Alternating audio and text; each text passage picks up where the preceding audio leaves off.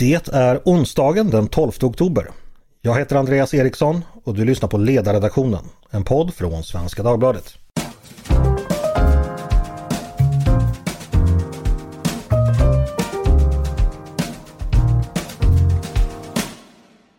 Varmt välkomna!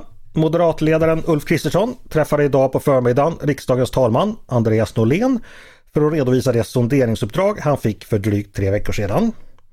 Efter mötet förklarade Kristersson att han inte var färdig än utan vill ha två ytterligare dagar för att förhandla med de tre övriga partierna i det regeringsunderlag han har. Vilket talmannen också beviljade honom.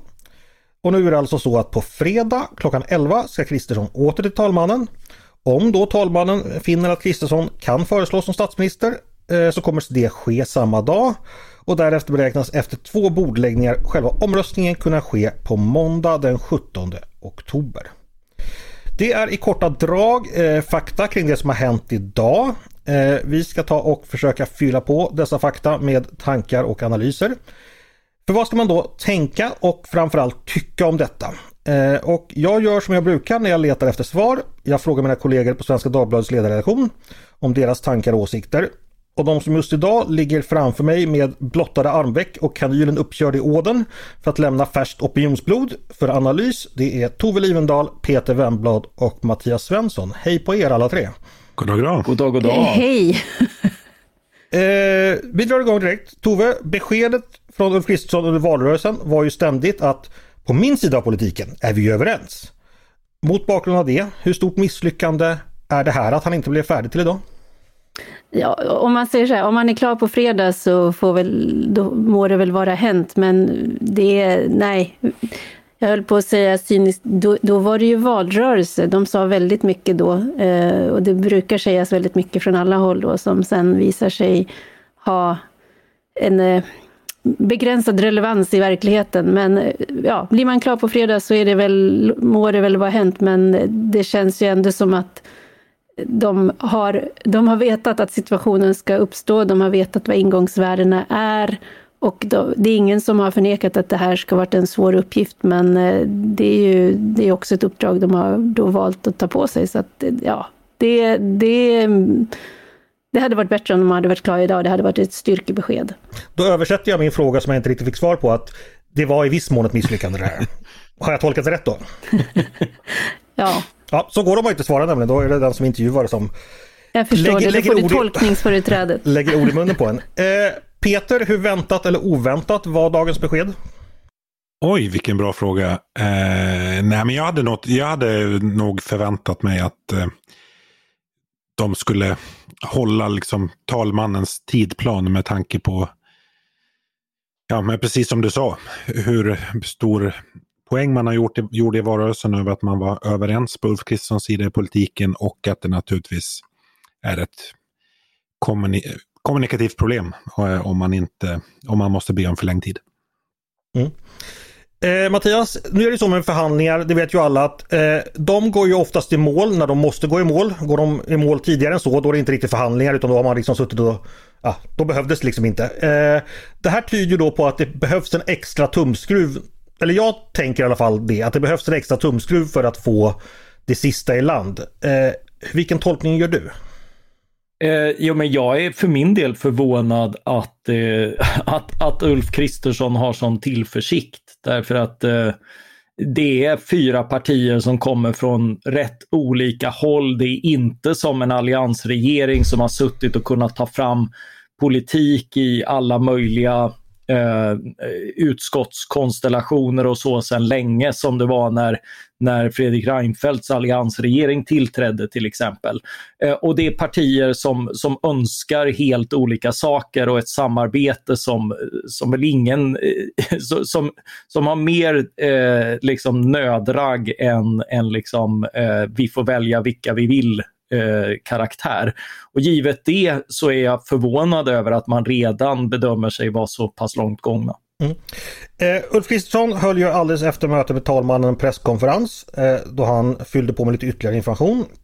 Han sa då, eh, nu citerar jag honom, att man i princip kommit i mål.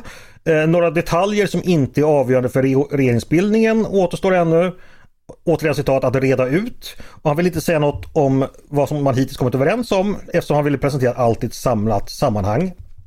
Tove, hur ska vi tolka det Kristersson sa när han mötte pressen efteråt? Jag skulle tolka det som att om han tänker att han är i land på fredag så är det personfrågorna kvar. Eh, och att eh, det är sakpolitiken som man har kommit... Man, man har de stora dragen på plats, man har en idé om vad man vill åstadkomma. Och då gissar jag att man också har utgått ifrån vad är det vi kommer att kunna ha enklast att komma överens om och bestämt sig för att vi prioriterar det och lägger krut på det. Och sen är, eh, är det sista pusselläggandet handlar om personbesättning. Okej, okay, och då tänker du dig liksom att en minister som Liberalerna vill ha, säger Sverigedemokraterna, att den jäkeln ska vi inte ha på taburetten. Är det liksom där det skulle knipa? Eller vad, vad ser du framför dig? Ja, det kan nog finnas en del veto, vetosituationer kanske. Eh, det är ändå så att personer spelar väldigt stor roll, men jag skulle tro att man medvetet har försökt lägga de frågorna allra sist och inte hållit på att diskutera ett namn. Mm. Peter, vad tror du de här eh, detaljerna handlar om? Ja, alltså jag tyckte att det var intressant med att Kristersson använde just ordet detaljer.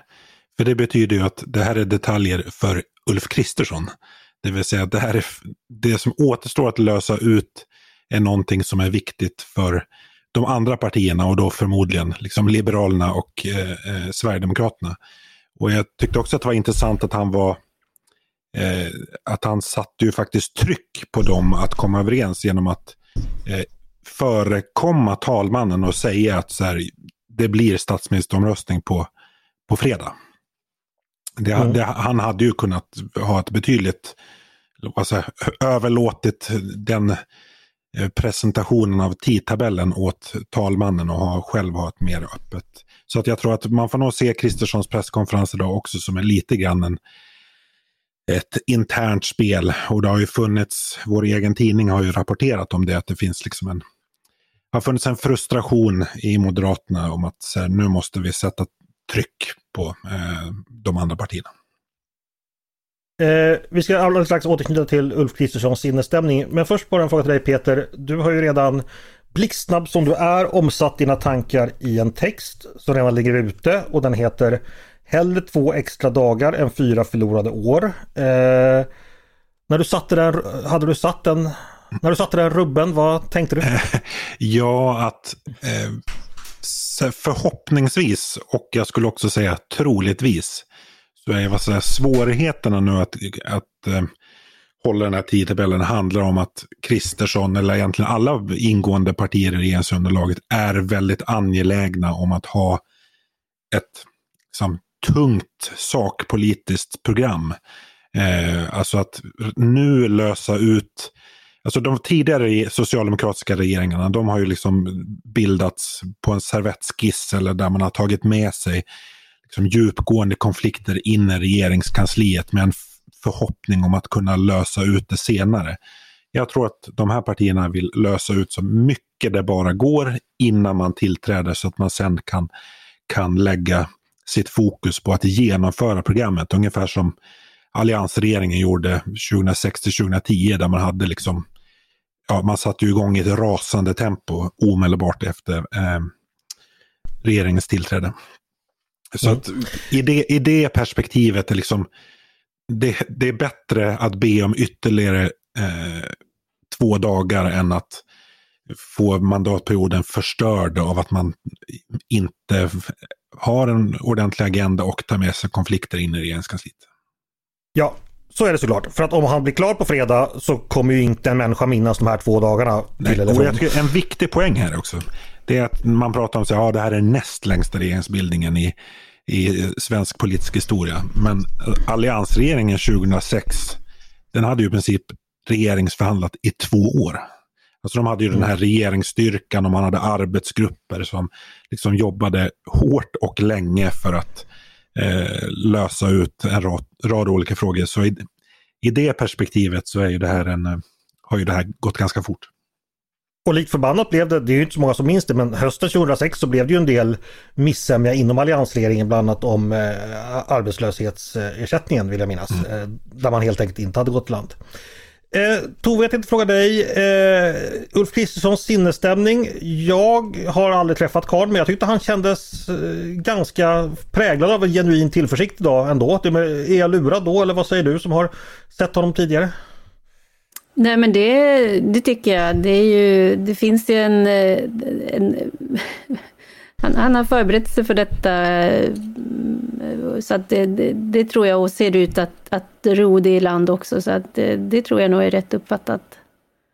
Eh, tillförsikt och eh, förhoppningsvis då arbetskläder. Jag tror att det är som, som Peter säger att eh, det, det vi känner till är ju att det, det inte är en person som skjuter från höften direkt och liksom Eh, så det kunde man väl i och för sig önskat sig ibland mer kanske temperament som oppositionsledare, men som regeringsbildare så är det väl bra att det är en, ja, som man brukar säga, kanske lite försiktig general som ser till att säkra upp innan han, han går fram. Så att, ja, det, mm. det, jag tror man ska tolka det som att det finns tillförsikt och hoppfullhet. Mattias, du som var med Kristersson redan i slaget vid eh, Arvidsjaur, Ar Arjeplog. Eh, Vann han eller förlorade han där förresten? Jag glömt hur det var.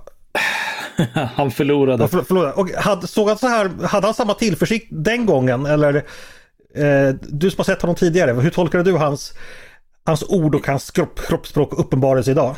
Ja, han hade faktiskt samma tillförsikt. det låter illavarslande. Han var ju favorit. Eh, men, eh, men, men han var inte lika avslappnad. Nej. Det kan jag säga. Han kanske blivit bättre på att mörka sen dess. Eh, slaget i Dorotea då som var en känd historia i, i, i moderat intern historieskrivning eh, som inträffade då 1862 och alla överlevande minns, minns det ännu. Eh, nu kommer Jesper snart att komma in och förklara att detta är fake news som producenten tar avstånd ifrån. Precis. Hörrni, på pressträffen efteråt, så efter Kristerssons besked så blev det massa bollande med journalisterna då de, eh, får, för, som man försöker göra, man formulerar nya frågor på nya sätt. För, oh, de möttes med samma svar. Vad tycker du Peter? Eh, det där bollandet, eh, lämnade Kristersson ytterligare något besked eller fortsatte han att hålla korten tajt in till kroppen?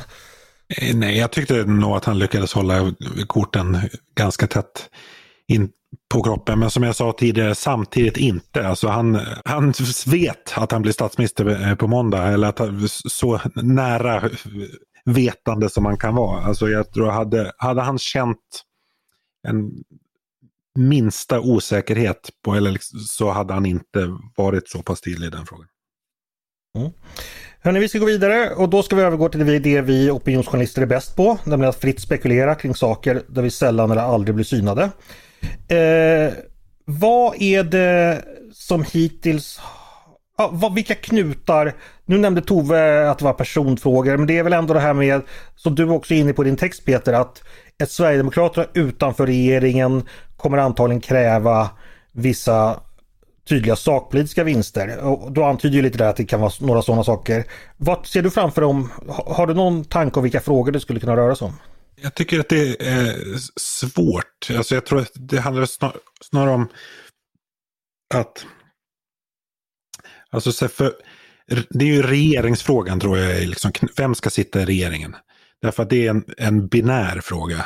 Alltså antingen sitter Liberalerna i regeringen eller så gör de det inte. Det vill säga det finns liksom inget, eh, inget eh, förhandlingsutrymme. Man kan inte mötas eh, på mitten. Och... Fast Liberalerna skulle ju kanske föredra att både sitta i regeringen och inte sitta i regeringen för att tillfredsställa det egna partiet. för, förvisso. Och mentalt, Nej, mental, okay, mentalt är det kanske det de kommer göra. Jag vet inte. Ja. Eh, men, men du tror inte den frågan är utlöst än, alltså ifall Liberalerna ska sitta i regeringen eller inte? Jo, jag tror att den frågan är utlöst, eh, utan nu är det vad ska jag säga, prislappen. De sist, mm. si, av, sista avrundningen av, eh, på, på kvittot som ska göras. Liksom. Vi höjer med en ambassadör och en ja. landshövding. Ja. och då, jag fortsätter med det Peter, och då tänker du att de där sista örena det är detaljer för Ulf Kristersson men både för Liberalerna och Sverigedemokraterna som ska hem till sitt parti sen kan det vara väldigt viktiga ören ja, var, de, jag, var de landar. Jag tror att Kristersson kan oavsett vad, så att säga, vad den dragkampen mellan Liberalerna och Sverigedemokraterna slutar i så kan Kristersson stå ut med resultatet. För att annars skulle han inte säga att det var detaljer. Mm. Så det är detalj, Mattias, detalj, detaljer för honom men kanske inte för de andra partierna. Ja. Mattias, har du tankar om detta? Det vore jättekonstigt eh, om, om vi fick beskedet att det återstod detaljer och det inte var klart vilka, som, vilka partier som skulle formera en regering och väsentligen vilka ansvarsområden de har. Mm, ja, jag okay. instämmer i det. Ja. Eh, Tove, är det någonting som du har tyckt dig tolka eller eh, inifrån den här processen som du skulle vilja ge uttryck för?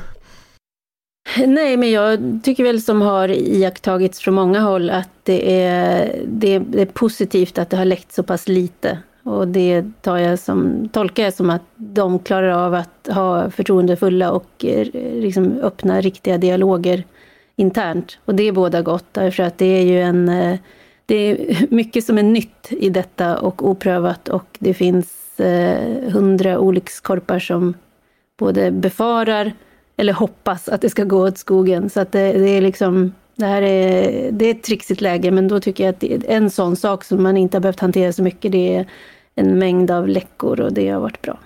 Mm. Olyckskorpar, Peter du och jag känner ju väl till den gamla komchefsregeln om fredagar för att släppa dåliga nyheter. Nu.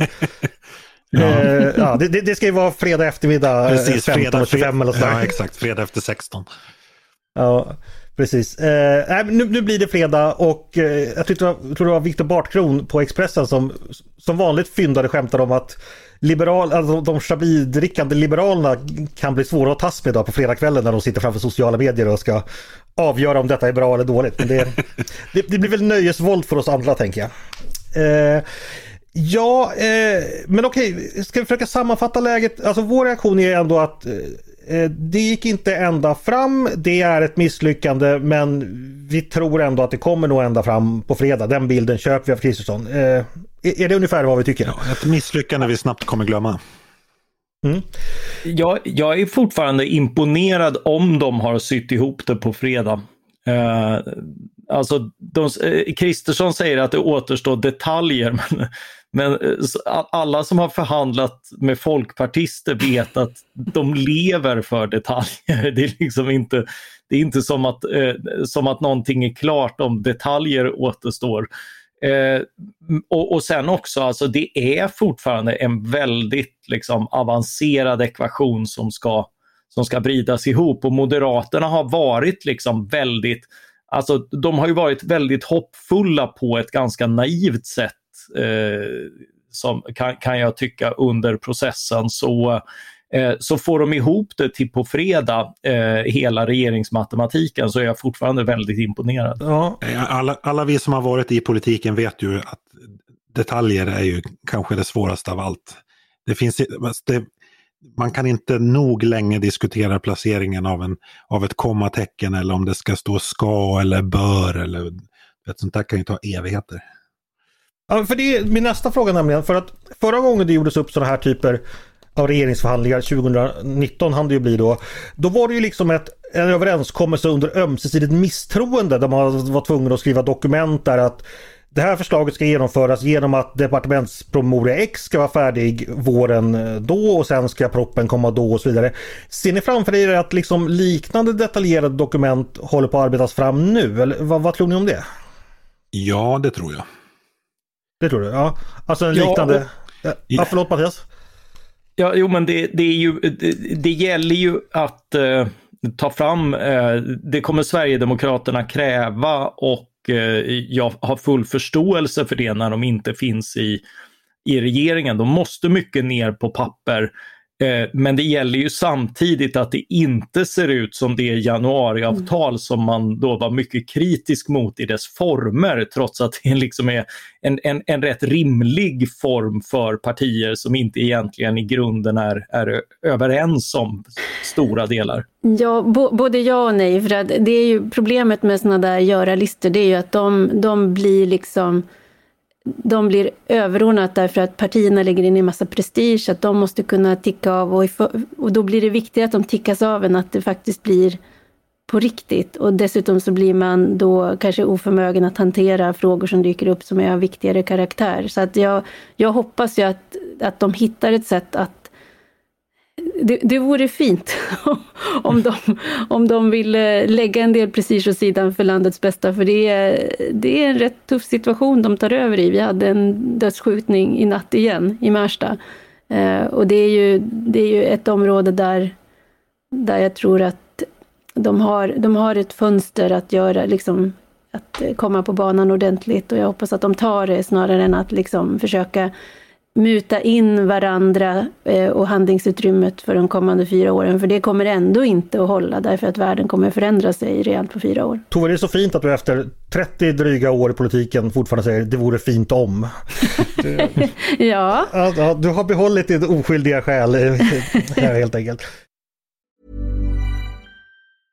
Hej, jag Ryan Reynolds. Recently, I asked Mint Mobiles legal team if big wireless companies are allowed to raise prices due to inflation. They said yes. And then when I asked if raising prices technically violates those onerous two-year contracts, they said, what the f*** are you talking about, you insane Hollywood ass?"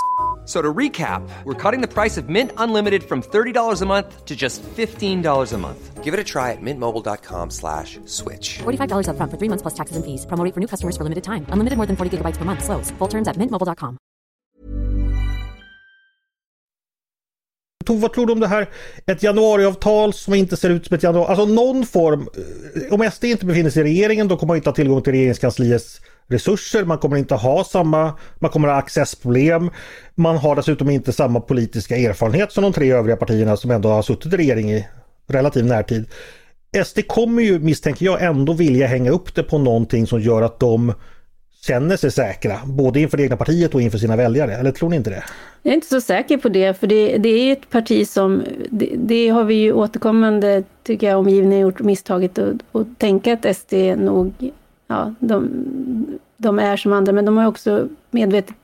De har ju själva talat om en slags pragmatism som är upphöjande och det, så det skulle liksom tala lite grann emot att de skulle kräva en massa lister och, och, och sådär. Eh, då skulle de inte riktigt leva som de lär, tycker jag. Utan det är väl be, mer att försöka vara en, eh, i deras ögon då subjektivt eh, betraktat, en konstruktiv kraft som är beredd att gå där de får ut mest för tillfället. Eh, så det är ju, ja, för det, problemet med de där listorna, det är ju också att det kan bli som med Liberalerna och Centerpartiet gentemot Socialdemokraterna, att de får sin lista och sen blir de grundlurade i alla fall. Och då kommer de ändå framstå som, som eh, duperade inför sina väljare. Ja, då Ja. finns det ju en lista att jämföra mot. Exakt. Ja, och vi ska säga så, vi kan ju inte jämföra SDs läge nu med C och Ls läge då 2019 för att då hade ju de, det var ju lite av ett nederlag för dem ändå att de, eller det var, jag tror att Sverigedemokraterna har en helt annan inställning än de hade den gången för situationen är så,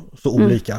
Men, men jag, jag, jag tror dock att vi kommer att få ett, se, se ett mer omfattande dokument än, eh, än januariavtalet som ju var ganska skissartat trots allt. Alltså det, det väckte ju otroligt många frågor om hur in, både innebörd och, och tidtabell. Alltså om man tittar på, det är väl den tyska koalitionsregeringen tror jag som har ett som har en överenskommelse som ja, vad är det, den är typ 50-60 sidor tror jag. Alltså, Så otroligt eh, omfattande. Och jag satt, eh, och det, det är ju en u- utveckling vi ser. Jag läste den på originalspråk Ja. jag skulle säga. Men, Nej, men det är ju en utveckling vi ser internationellt liksom, mot, mot det här med avtalsdemokrati. Liksom, att de här avtalen man tecknar i inledningen av en regeringsperiod blir allt vanligare liksom, och får allt större roll eh, ska börja avrunda en fråga. Har ni sett några reaktioner som har förvånat eller er? Eller är det vanliga då att vi till höger tyckte det här var okej och till vänster så gal man i hur en sky?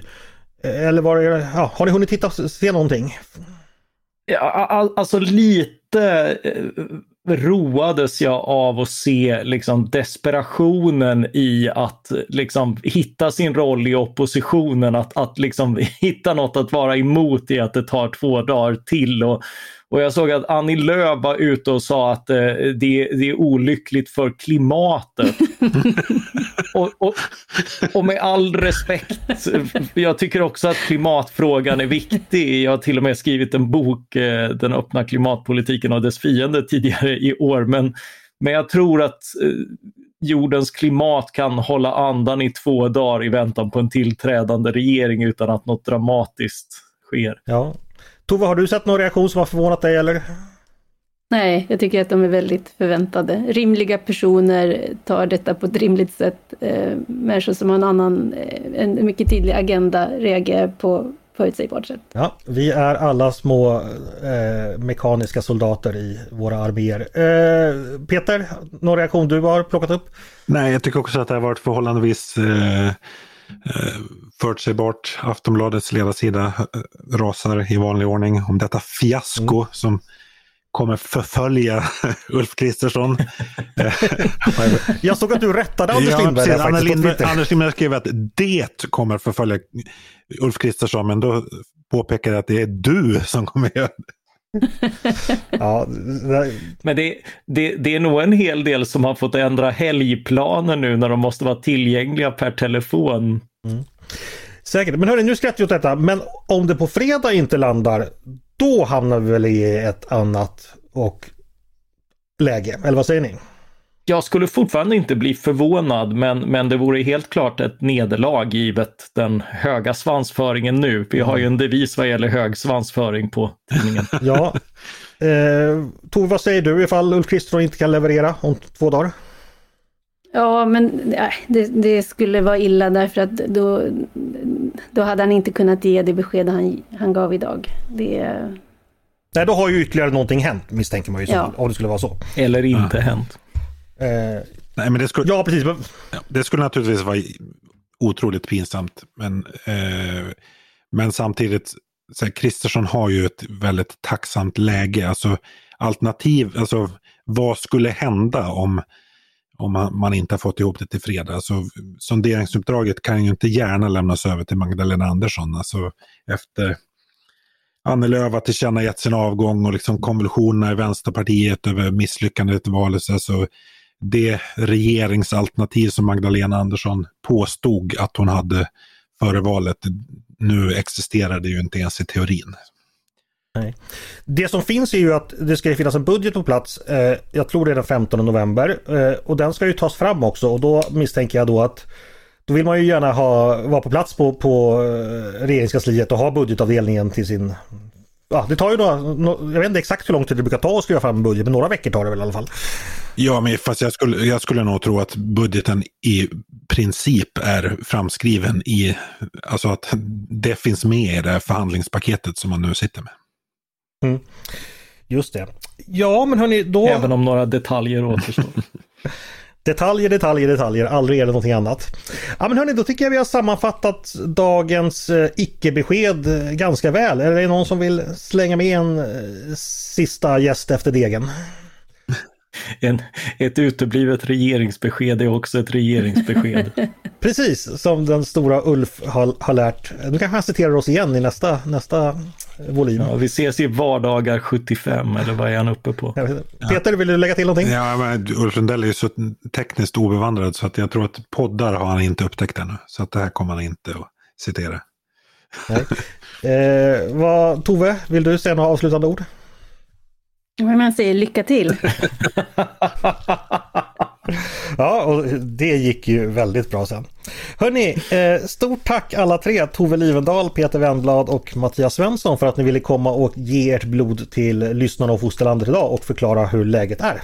Tack Andreas. Tack själv. Nöje. Och tack till er förstås som har lyssnat på Ledarredaktionen, en podd från Svenska Dagbladet. Ni är som vanligt varmt välkomna att höra av er till redaktionen med tankar och synpunkter på det vi precis nu har diskuterat eller om ni har förslag och idéer på det vi ska ta upp i framtiden.